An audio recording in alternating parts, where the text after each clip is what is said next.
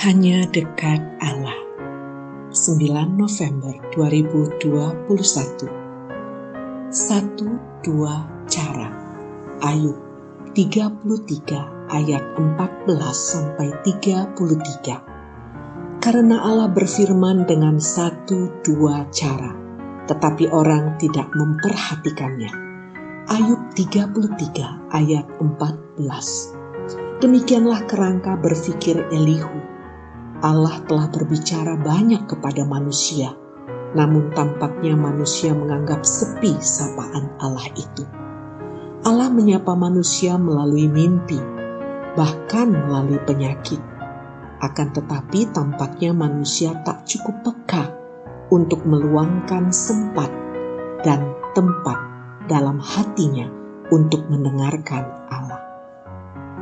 Dalam ayat 29 sampai 30 Alkitab Bahasa Indonesia masa kini, Elihu mengulangi lagi pernyataannya. Dengan berulang kali, Allah telah melakukan semua ini supaya ia dapat menyelamatkan manusia dan memberi kebahagiaan dalam hidupnya.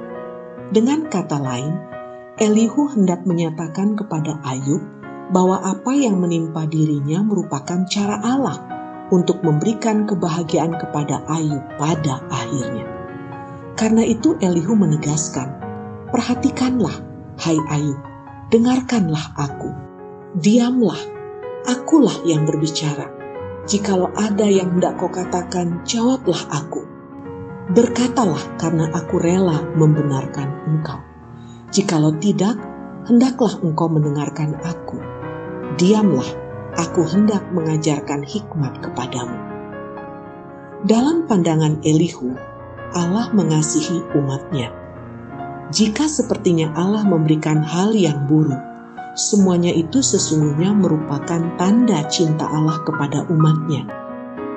Itulah yang hendak dinyatakan Elihu. Dan karena itu, dia ingin Ayub sungguh-sungguh mendengarkan perkataannya. Salam semangat dari kami literatur perkantas nasional, sahabat Anda bertumbuh.